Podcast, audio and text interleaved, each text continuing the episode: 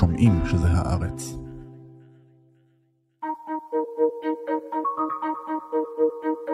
If you're wondering why our country seems so dysfunctional, this is a big part of the reason. A small group of people control access to all relevant information, and the rest of us don't know. בשבעה ביוני, מגיש הטלוויזיה הימני והפופולרי טאקר קרלסון החל לשדר את תוכניתו החדשה. אלא שבמקום בערוץ טלוויזיה מסורתי, עשה זאת קרלסון בפלטפורמה שונה לחלוטין, טוויטר. We're told there are no gatekeepers here. If that turns out to be false, we'll leave. But in the meantime, we are grateful to be here. ההצלחה הייתה כבירה, והפרק הראשון נצפה 118 מיליון פעמים. Can, are you there? Can you hear us? I think you're. I'm here. כשבועיים לפני כן השיק רון דה סנטיס, מושל פלורידה, את הקמפיין שלו למועמדות המפלגה הרפובליקאית לנשיאות ארצות הברית.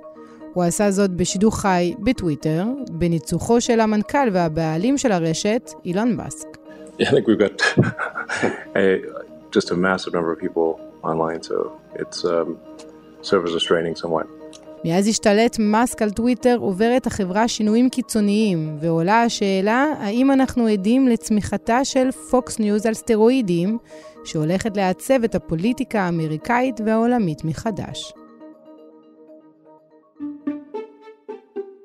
היי, אני עמנואל אלבאס פלפס, ואתם מאזינים ומאזינות לחוץ לארץ. בפרק הזה ננסה להבין מה, אם בכלל, רוצה אילון מאסק, האם סופן של הרשתות החברתיות קרוב, ואיך זה קשור לעתיד הדמוקרטיה, והאם הבינה המלאכותית עומדת להחליף את פייסבוק וטוויטר.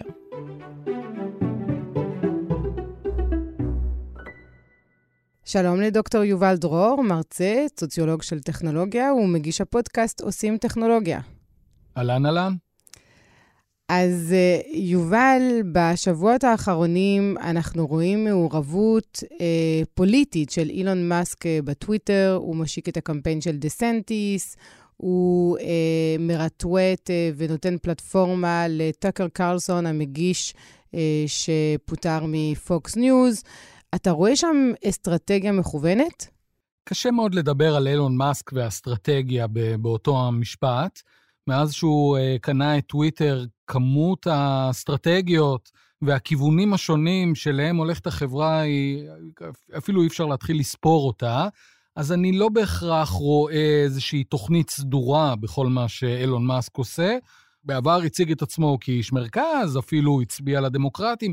ברור לגמרי היום שמדובר באדם שנוטה ימינה, ובהתאם לכך, אה, ההחלטות שלו.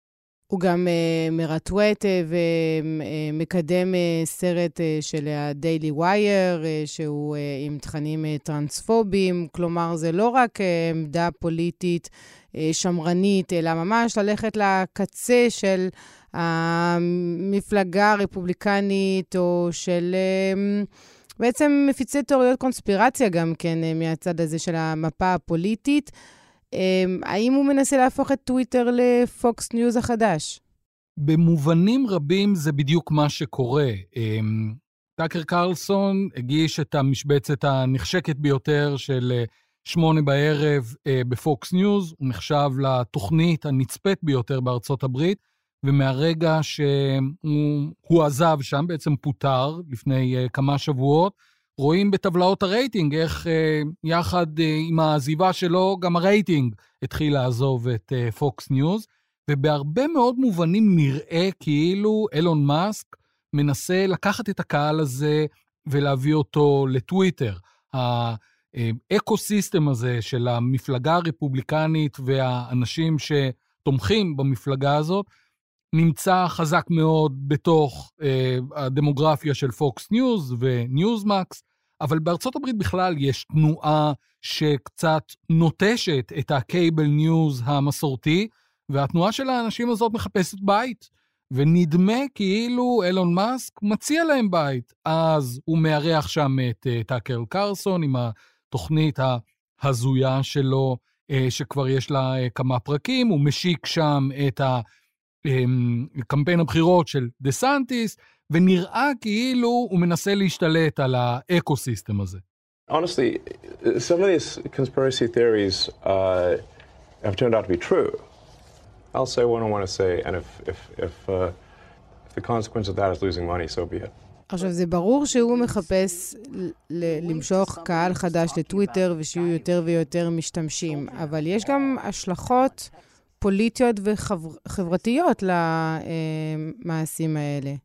כן, חד משמעית. אה, בשבועות האחרונים, בחודשים האחרונים, למעשה כמעט מהרגע שהוא נחת בחברה, כל המחקרים וכל המדדים מראים כיצד השיח בטוויטר נהיה יותר רעיל, יותר קריאות אנטישמיות, יותר קריאות ניאו-נאציות, יותר קריאות נגד אפרו-אמריקאיות, יותר קריאות נגד להט"בים. אה, הפלטפורמה הזאת הפכה להיות הרבה פחות בטוחה עבור מיעוטים ועבור קבוצות נרדפות. אה, הוא קיצץ באופן דרמטי במחלקה שנקראת Trust and Safety, שהיא זו שאמורה לפקח על השיח, אמורה לחסום אנשים, אמורה להרחיק אותם מהפלטפורמה, ולמעשה, אחד מהדברים הראשונים שהוא עשה, זמן קצר יחסית אחרי שהוא השתלט על טוויטר, זה לתת חנינה.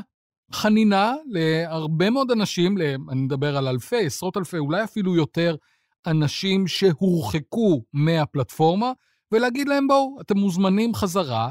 אחד מהם הוא אדם שאולי שמעת עליו, דונלד טראמפ.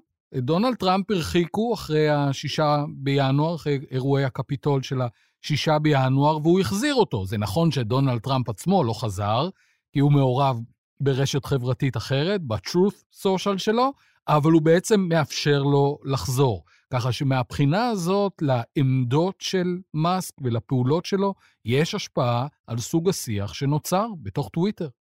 השאלה המעניינת, לדעתי, היא האם השיח הזה שנוצר בתוך טוויטר נשאר בטוויטר. כי ראינו שהשיח שנוצר בפוקס ניוז אחראי גם במידה מסוימת לאירועי הקפיטול של השישה בינואר, וגם כמובן לפרשת דומיניאן, ולכך שהרבה מאוד אמריקאים צופי פוקס ניוז משוכנעים שגנבו להם את הבחירות, ושבעצם דונלד טראמפ עדיין אמור להיות נשיא ארצות הברית. ו... אפשר להניח שגם עכשיו, כשמדובר בטוויטר, זה לא נשאר בחבר... ברשת החברתית, זה יוצא החוצה. כן, כל, קודם כל אין ספק שזה יוצא החוצה, זו לא מערכת סגורה. צריך להגיד, בכל עולם מדעי החברה מאוד קשה לדעת מה מוביל את מה. כלומר, האם האנשים שמאמינים שהבחירות נגנבו מדונלד טראמפ מגיעים לטוויטר, או טוויטר משמיעה את, מהדהדת את הטענה שהבחירות נגנבו, ואז אנשים משתכנעים מזה. זאת אומרת, מה מוביל למה? אה, מאוד קשה להוכיח קשרים כאלה בעולם הזה של אה, מדעי החברה, אבל דבר אחד ברור, והוא שהשיח הזה שנוצר בטוויטר, או קיים בטוויטר, או פורח בטוויטר, אחר כך מגיע למקומות אחרים, זה ברור לגמרי.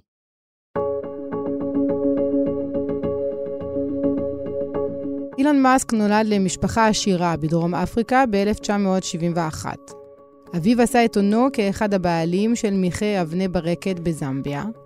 אמו הייתה דוגמנית, ובהמשך פתחה עסק לדיאטות. מאסק למד כלכלה ופיזיקה באוניברסיטת פנסילבניה, והמשיך ללימודים בסטנפורד, אותם הפסיק כדי להקים סטארט-אפים בזמן בועת הדוט קום של שנות ה-90.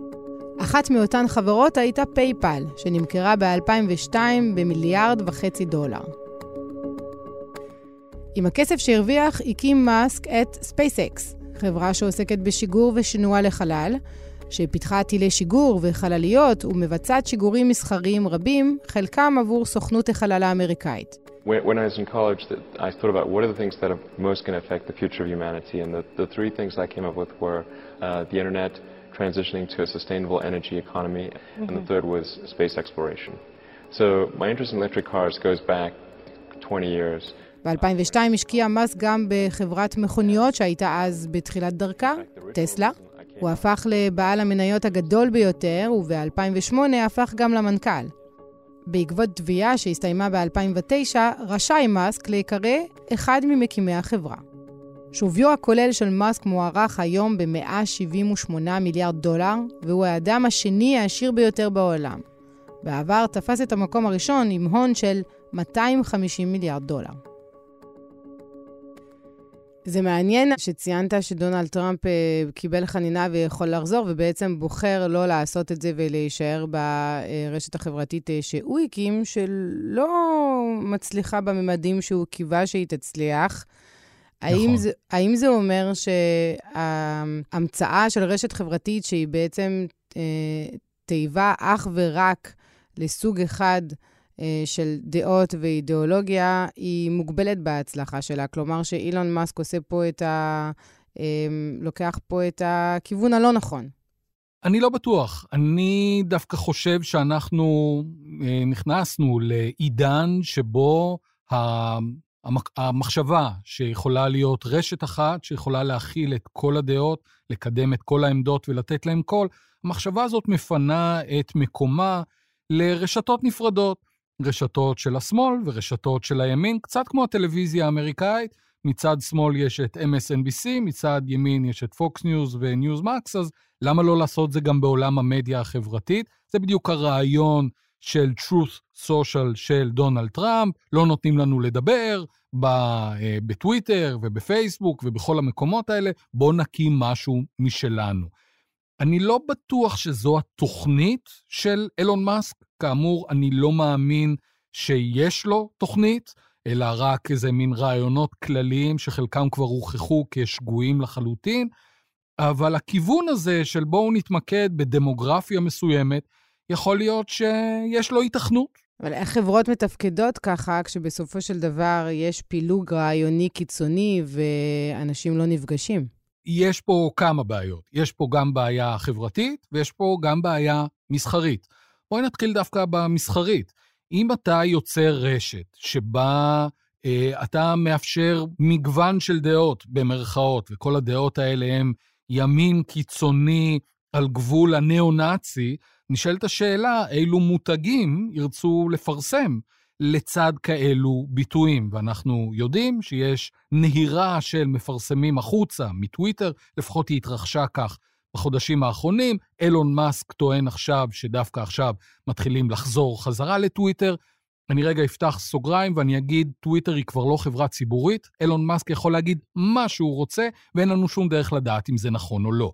הוא יכול להגיד שיש המון אה, מפרסמים והמון משתמשים, והוא יכול להגיד מה שבא לו, אין שום דרך לוודא שמאחורי ההצהרות אה, האלו יש נתונים אמיתיים. אז קודם כל, יש כאן בעיה מסחרית.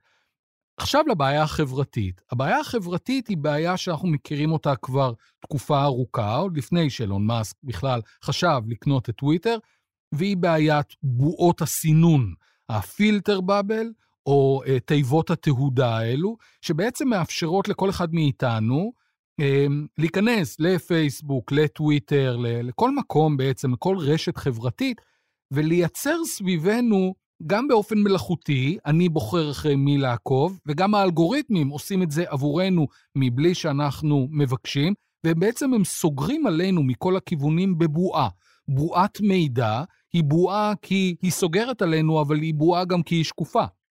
אנחנו לא רואים אותה, והתוצאה היא שמקורות האינפורמציה שאני חשוף עליהם הם לא מקורות האינפורמציה שאת חשופה עליהם, הם לא מקורות האינפורמציה שאסף חשוף אליהם, ועכשיו שלושתנו נפגשים במקרה בבית קפה, ואני מספר לכם סיפור, ואת אומרת לי, יובל, אני לא יודעת על מה אתה מדבר, זה נראה לי הזוי לגמרי. ואז אסף מספר סיפור, ואני אומר לו, תשמע, אני לא יודע מאיפה אתה מקבל, אני לא יודע... זאת אומרת, מכיוון שאנחנו חיים בבועות נפרדות, זה יוצר בעיה הרבה יותר רחבה, והיא שאנשים חיים ביקומים מקבילים, יקומי מידע מקבילים. ולכן יש אנשים שבטוחים, משוכנעים, שהבחירות נגנבו וצריך להציל את ארצות הברית ולהסתער על הקפיטול, ויש אנשים שמסתכלים עליהם מבחוץ ואומרים, מה קורה איתם? על מה מבוסס המידע שלהם?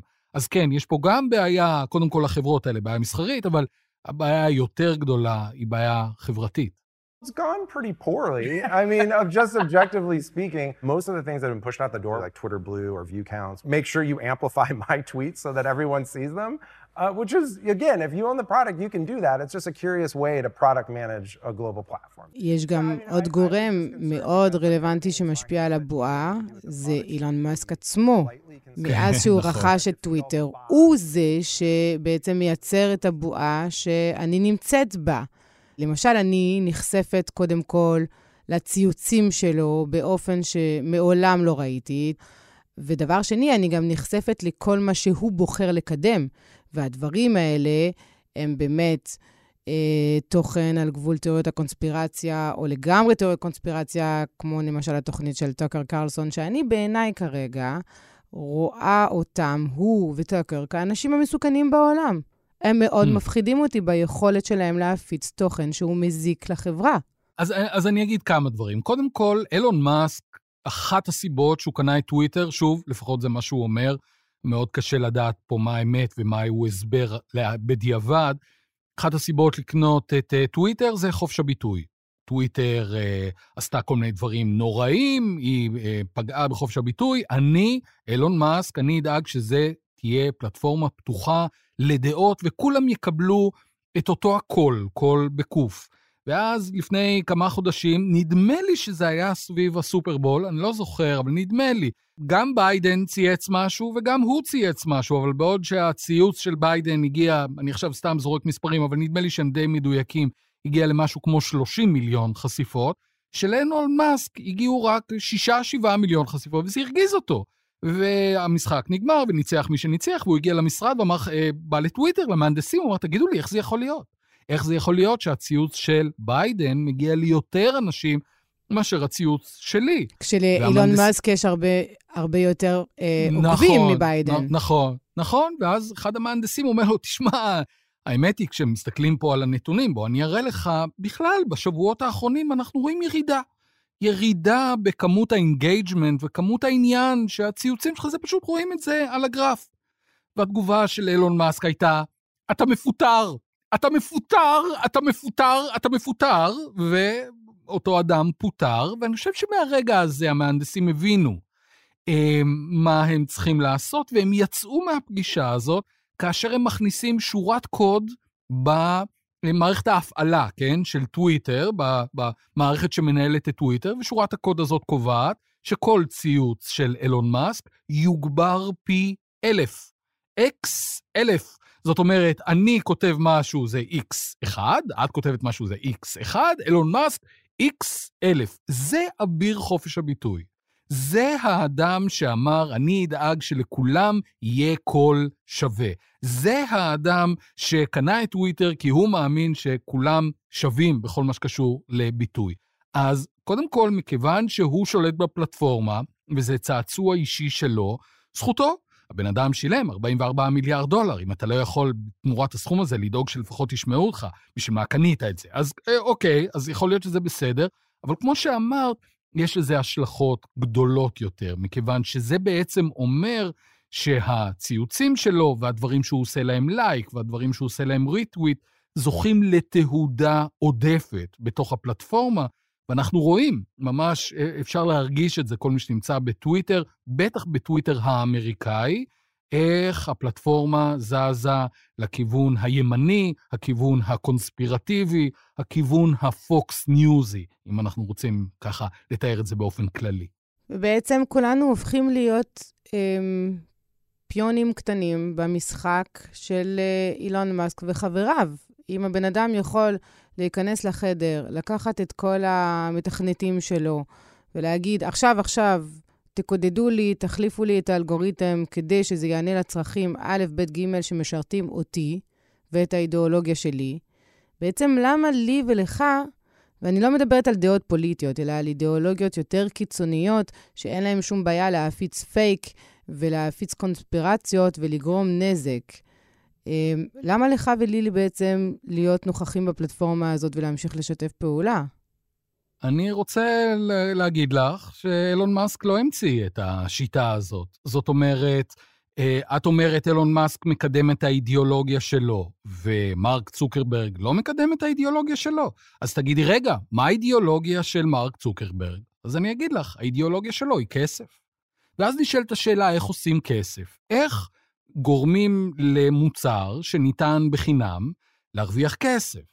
התשובה של כל החברות האלה, כל החברות שהן במרחב הזה, היא פרסומות. אוקיי, איך עושים כסף מפרסומות? גורמים לאנשים להישאר בפלטפורמה עוד זמן, גורמים להם ללחוץ על הפרסומות, לבלות במרחב הזה יותר זמן, לאסוף עליהם יותר מידע. איך עושים את זה? Hmm, אחת הדרכים שעושים את זה, זה שהם מושכים את תשומת הלב שלהם. אוקיי, איך אני מושך את תשומת הלב שלך? אחת הדרכים למשוך את תשומת הלב שלך זה לעצבן אותך. זה לגרום לך אה, להיות מאוד אינגייג' בשיח קיצוני. בשיח שבו אתה לא יודע על מה אתה מדבר, אני יודע על מה... מפה לשם עברה שעה ואני בתוך המרחב הזה. וזה בדיוק מה שקרה בעולם המדיה החברתית בשנים האחרונות, וזה לא מעשה ידי אל, זה מעשה ידי אלגוריתם שמי ששולט בו הם האנשים שאחראים על הפלטפורמה. זאת אומרת, יש סיבה שפייסבוק נהייתה מרחב כל כך רעיל יש סיבה שבאינסטגרם אה, מחקרים מראים שבנות נפגע הדימוי האישי שלהם, הדימוי הגופני שלהם.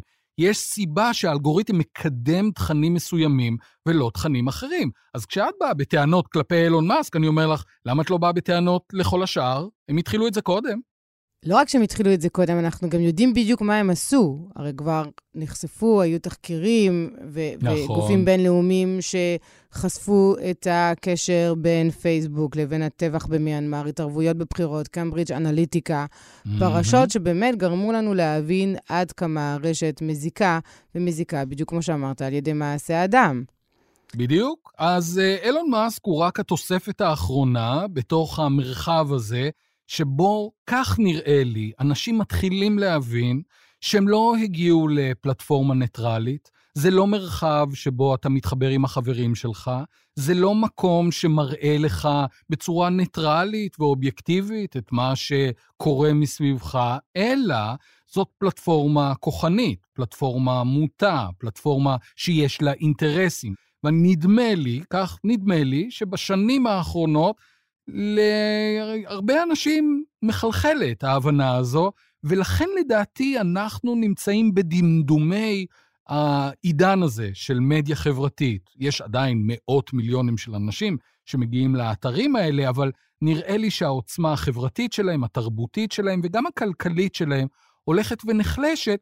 אני אגיד עוד משפט אחד לזכותו של מרק צוקרברג, הוא, הוא זיהה את זה.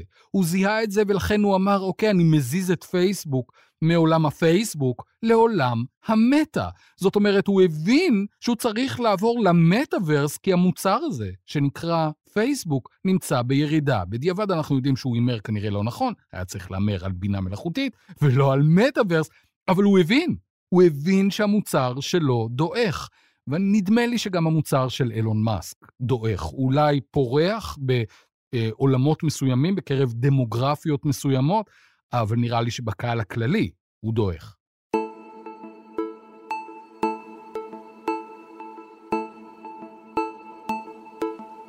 Our job as founders, as entrepreneurs, which is just someone with curiosity, confidence, and cleverness, is to distribute the future that's already here. טוויטר נוסדה בשנת 2006 על ידי ג'ק דורסי. בהתחלה היא הייתה פלטפורמה לשיתוף טקסטים קצרים שנשלחו במסרונים. ההודעות הקצרות, עד 140 תווים, פורסמו בפיד של טוויטר, באתר ובאפליקציה. ב-2007 גדלה הפופולריות של השירות, וב-2010 כבר היו בפלטפורמה 50 מיליון ציוצים ביום. עם הזמן נוספו אפשרויות נוספות שונות לפלטפורמה, שיתוף תמונות ווידאו, חדרי צ'אט באודיו ושידורים ישירים. טוויטר הייתה פופולרית במיוחד בקרב עיתונאים ופרשנים פוליטיים ואפשרה לקהל לעקוב אחר דמויות ציבוריות ומפורסמים. The President of the United States tweeted over 50 times in one weekend. He retweeted Fox News a bunch of times, attacked John McCain, General Motors, Google, Hillary and China all in one tweet. במהרה גילו פוליטיקאים שהפלטפורמה מאפשרת להם קשר בלתי אמצעי עם קהל הבוחרים שלהם. אילון מאסק היה גם הוא משתמש נלהב של טוויטר. ציוצים נמהרים שלו גרמו לקנייה או מכירה של מניות בחברות שבבעלותו, וניפחו את ערכם של מטבעות קריפטו אותם קידם. באפריל 2022 הצטרף מאסק לחבר המנהלים של החברה, שבאותו זמן התנהלותה הכלכלית הייתה כושלת. במשך חודשים ניהלה החברה מאבק ציבורי ומשפטי נגד מאסק, שלבסוף השתלט עליה והפך למנכ"ל ולבעלים שלה. מאז שהשתלט על טוויטר, פחות מפרסמים רוצים להיות מזוהים עם הפלטפורמה, וההכנסות מפרסומות ירדו בכ-60%. יש uh, רשת שמנסה לתת קונטרה משמאל, יש כמה, בין היתר uh, פוסט, אבל זה לא ממש uh, תופס. כי מה? כי השמאלנים לא טובים באלגוריתם uh, עם מסרים מורכבים? קודם כל יכול להיות, יכול להיות, אבל יש עוד עניין. יש מושג בעולם הזה שנקרא אה, אפקט הרשת, The Network Effect, והמשמעות שלו היא שכאשר אתה מגיע לאיזה מין tipping point של מסה קריטית של משתמשים, מהרגע שאתה חוצה אותה, אפקט הרשת משחק עבורך, ובבת אחת הרבה מאוד אנשים מצטרפים לאותו מקום שבו אתה נמצא, כי הערך של המקום הזה עולה. אתן לך דוגמה מעולם אחר. אם יש אה, רק לך פקס, אין לו הרבה משמעות, כי מי ישלח לך וממי תקבלי.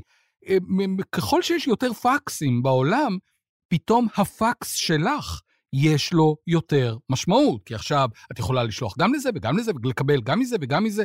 זאת אומרת, יש איזושהי נקודה שבו אם יש מספיק מכשירי פקס בעולם, הערך של כל המכשירים האלה עולה. האפקט הזה משחק גם עבור רשתות חברתיות. פייסבוק עברה את הנקודה הזאת בשלב מסוים, אני מזכיר לך בהתחלה, מייספייס הייתה גדולה ממנה, וברגע שפייסבוק הצליחה להגיע לנקודה הזאת, למסה הקריטית, שק, בבת אחת, כמעט בבת אחת, אה, כל האנשים האלה עברו לפייסבוק. והנה הבעיה, זאת הבעיה שאת מצביעה עליה, מהרגע שאתה נהנה מאפקט הרשת, מאוד קשה למשוך משתמשים למקום אחר. כי עכשיו הם צריכים לקחת את כל הרשת איתם. אם אני עובר עכשיו לפוסט, ואגב, יש לי חשבון בפוסט, וכאשר אני מפרסם שם, למי אני מפרסם? יש שם יחסית מעט מאוד אנשים. זאת אומרת, זאת בעיה. זאת בעיה לכל um, שירות חדש, הוא צריך לשכנע מספיק אנשים לעבור.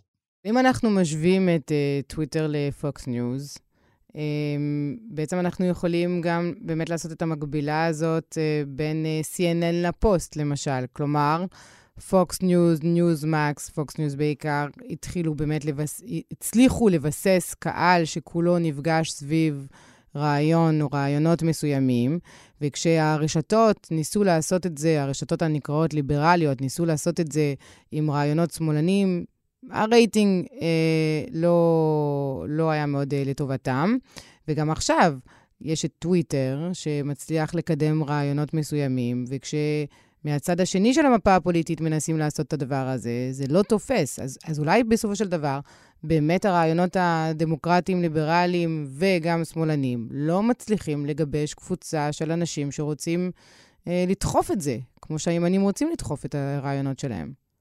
קודם כל, זו, זו תזה מעניינת. זאת אומרת, זה, זה משהו שבהחלט שווה לבדוק אותו. אני לא יודע עד כמה היא מעוגנת בנתונים, אבל התזה עצמה היא תזה מעניינת. אם אני הייתי צריך לשער, וזאת רק השערה שלא מעוגנת בנתונים, הייתי אומר שתפיסת העולם הליברלית היא תפיסת עולם הרבה יותר ביקורתית, בעוד שתפיסת העולם הרפובליקנית, השמרנית, היא הרבה יותר נחרצת.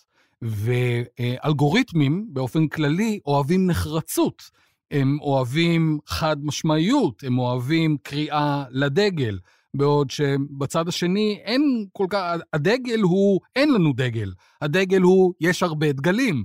ולכן אולי יותר קשה למסרים האלה להצליח בתוך המרחב הזה, אבל כאמור, זאת רק השערה ושווה לבחון אותה. Chatbots have been around for a while. You've probably talked to a really rubbish one at your bank or maybe your mobile operator, but they've suddenly got a lot better because of a new technology called generative AI. And this technology involves basically giving lots of examples of either images or text to a machine learning system, and it then learns to generate its own.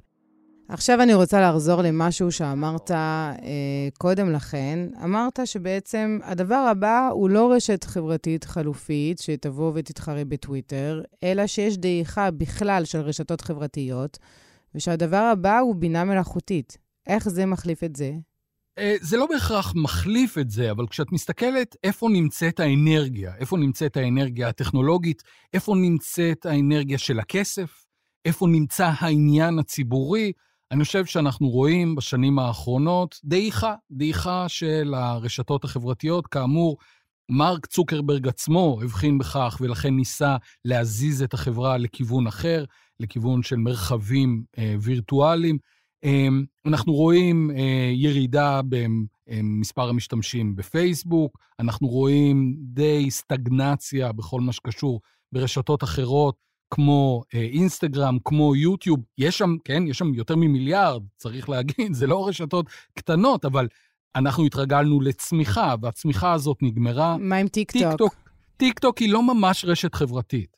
טיק טוק היא לא ממש רשת חברתית. אני רוצה להזכיר מה היה הרעיון של רשת חברתית. רשת חברתית הייתה אמורה לחבר אותי עם החברים שלי. Mm-hmm. אני לא מתחבר בטיק טוק עם החברים שלי, אני מתחבר לכל מיני משפיענים שאני לא מכיר אותם, או לתכנים של אנשים שאני בכלל לא מכיר אותם, אני אפילו לא מתחבר לאף אחד, אני פשוט גולל וגולל וגולל וגולל. זו לא ממש רשת חברתית, זה יותר מקום שבו אתה נחשף לבידור מכל העולם.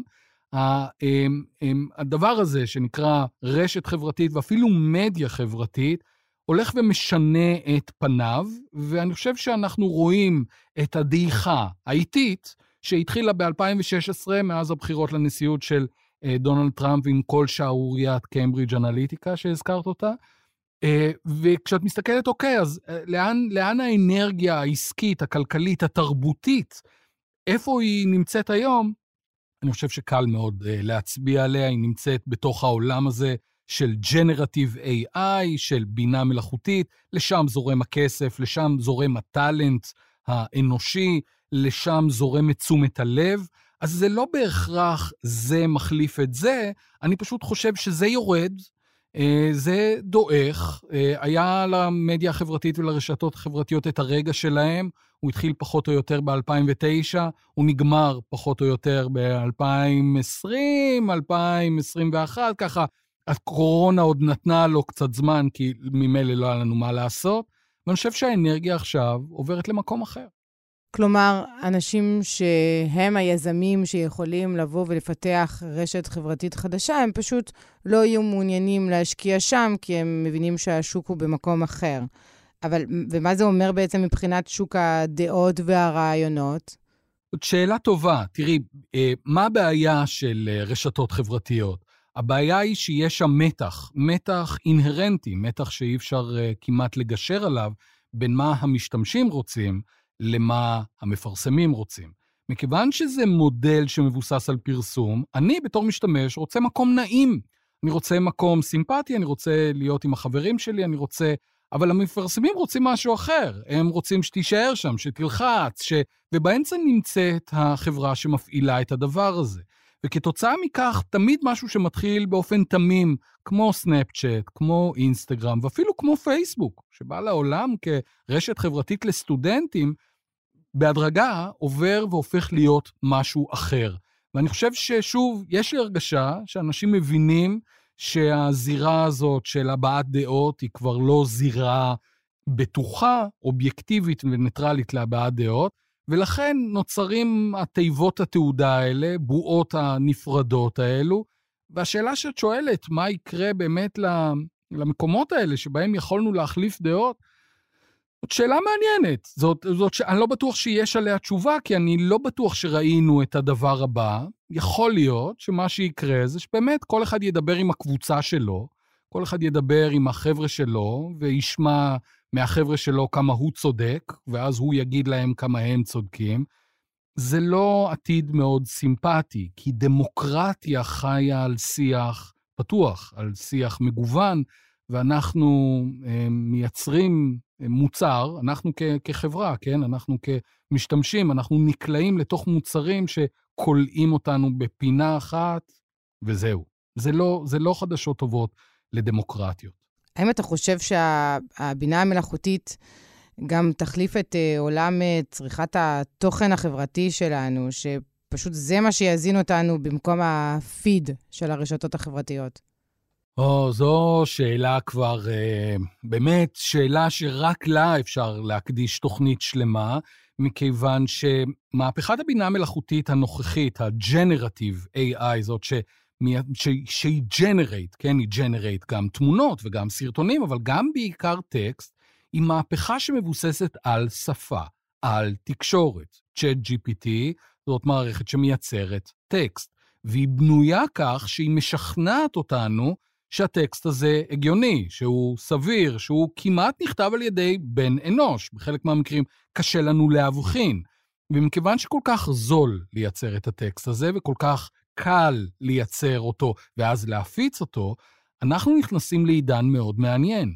עידן שבו חלק מהטקסטים שאנחנו ניתקל בהם לא נכתבו על ידי אף בן אדם, אפילו אף בן אדם לא ראה אותם, ואנחנו מגיבים להם כאילו כתב אותם בן אדם, ובעצם אנחנו מדברים עם רובוטים.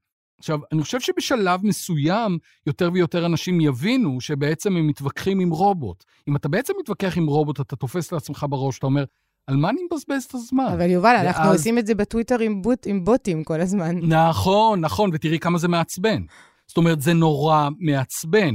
ואם הרשת כולה, לא רק טוויטר, אלא הרשת כולה תוצף בתוכן סינתטי, תוכן שמבוסס על בינה מלאכותית, ויותר ויותר אנשים יבינו שהם בעצם מתווכחים, דנים ומתעסקים עם צד שהוא לא צד בעצם, אז זה יהפוך להיות מעניין מהבחינה הזאת שאולי אנחנו נראה נסיגה. נסיגה של אנשים שיגידו, אני לא מדבר ברשת, ממילא אף אחד לא מקשיב, ממילא אני מדבר עם בוטים, ואז אנחנו נכנסים לעידן אחר לגמרי. עידן שבו באמת אנשים אה, יזנחו את הרעיון שבטוויטר אפשר לקיים שיח, זה, אלו, שוב אני אומר, אלו לא חדשות טובות לדמוקרטיות. אלו לא חדשות טובות לדמוקרטיות, והאמת, גם לא חדשות טובות לאינטרנט, לא חדשות טובות לרשת. אבל אתה מתאר מצב שבו אנחנו מבינים שאין לנו ברירה אלא לצאת מהמרחב הדיגיטלי הזה, הרעיל והמזויף, ובעצם העתיד של המדיה החברתית, לפי מה שתיארת עכשיו, זה חזרה לעבר. זה נשמע לי די כן. אופטימי. כן. זה, א', את צודקת, ב', טכנולוגיה היא תמיד, יש בה איזושהי תנועת מטוטלת. בואי רגע נחזור uh, לפייסבוק. לפני שפייסבוק הגיעו, um, אנשים אמרו, הדבר הכי טוב באינטרנט זה שאתה אנונימי, נכון? הקריקטורה הזאת של הניו יורקר, שרואים שני כלבים מדברים, והכלב אומר לכלב השני, באינטרנט אף אחד לא יודע שאתה כלב. נהדר, והוא מתקתק על המחשב. כי אנונימיות. ואז הגיע פייסבוק, ופייסבוק בעצם שכנעה את כולנו שעדיף לנו להיות מזוהים, כי אז אתה יכול למצוא את החברים שלך, והמטוטלת נעה מאנונימיות לכיוון של זיהוי מוחלט. ואז היא התחילה לעצבן אנשים, ואנשים מחפשים אנונימיות, והופ, המטוטלת זזה לצד השני. ויכול להיות שמה שאנחנו נראה פה, זה גם סוג כזה של מטוטלת. זאת אומרת, אנחנו כולנו זזנו אה, לרשת, בואו ננהל שם את השיח, בטוויטר, בפייסבוק, במקומות אחרים, ואז פתאום אתה מבין שבעצם זה שיח שהוא חסר ערך, חסר תוחלת. אתה לא באמת מצליח לשכנע אף אחד, ואתה אפילו לא מדבר עם בני אדם, והמטוטלת הזאת שזזה כל הדרך לצד אחד, תתחיל לזוז לצד השני, ואנשים יגידו, אתה יודע, כשאני רוצה באמת לדבר עם אנשים, אני נפגש איתם. אני נפגש איתם פנים אל פנים, בפרלמנט ביום שישי, או עם חברים, או בקבוצות שאני יודע מי נמצא שם. יכול להיות שאנחנו נראה את תנועת המטוטלת הזאת, זה לחלוטין לא יפתיע אותי, זה מה שטכנולוגיה עושה לנו כמעט לאורך כל ההיסטוריה. דוקטור יובל דרור, תודה רבה לך. בשמחה. Is that big brain with greater ambition. Ooh. Techno king billionaire, he's on a mission. Yeah, PayPal, Tesla, Neuralink and Top. Open AI, SpaceX, his man can't be stopped. עד כאן הפרק הזה של חוץ לארץ. אנחנו כל הזמן באתר ובאפליקציה של עיתון הארץ ובכל אחת מהפלטפורמות שבהן אתם אוהבים לשמוע פודקאסטים. תודה רבה לאסף פרידמן, אמיר פקטור, אברי רוזנצבי, דן ברומר, רועי סמיוני, אני עמנואל אלבאס פלפס, נשתמע בשבוע הבא.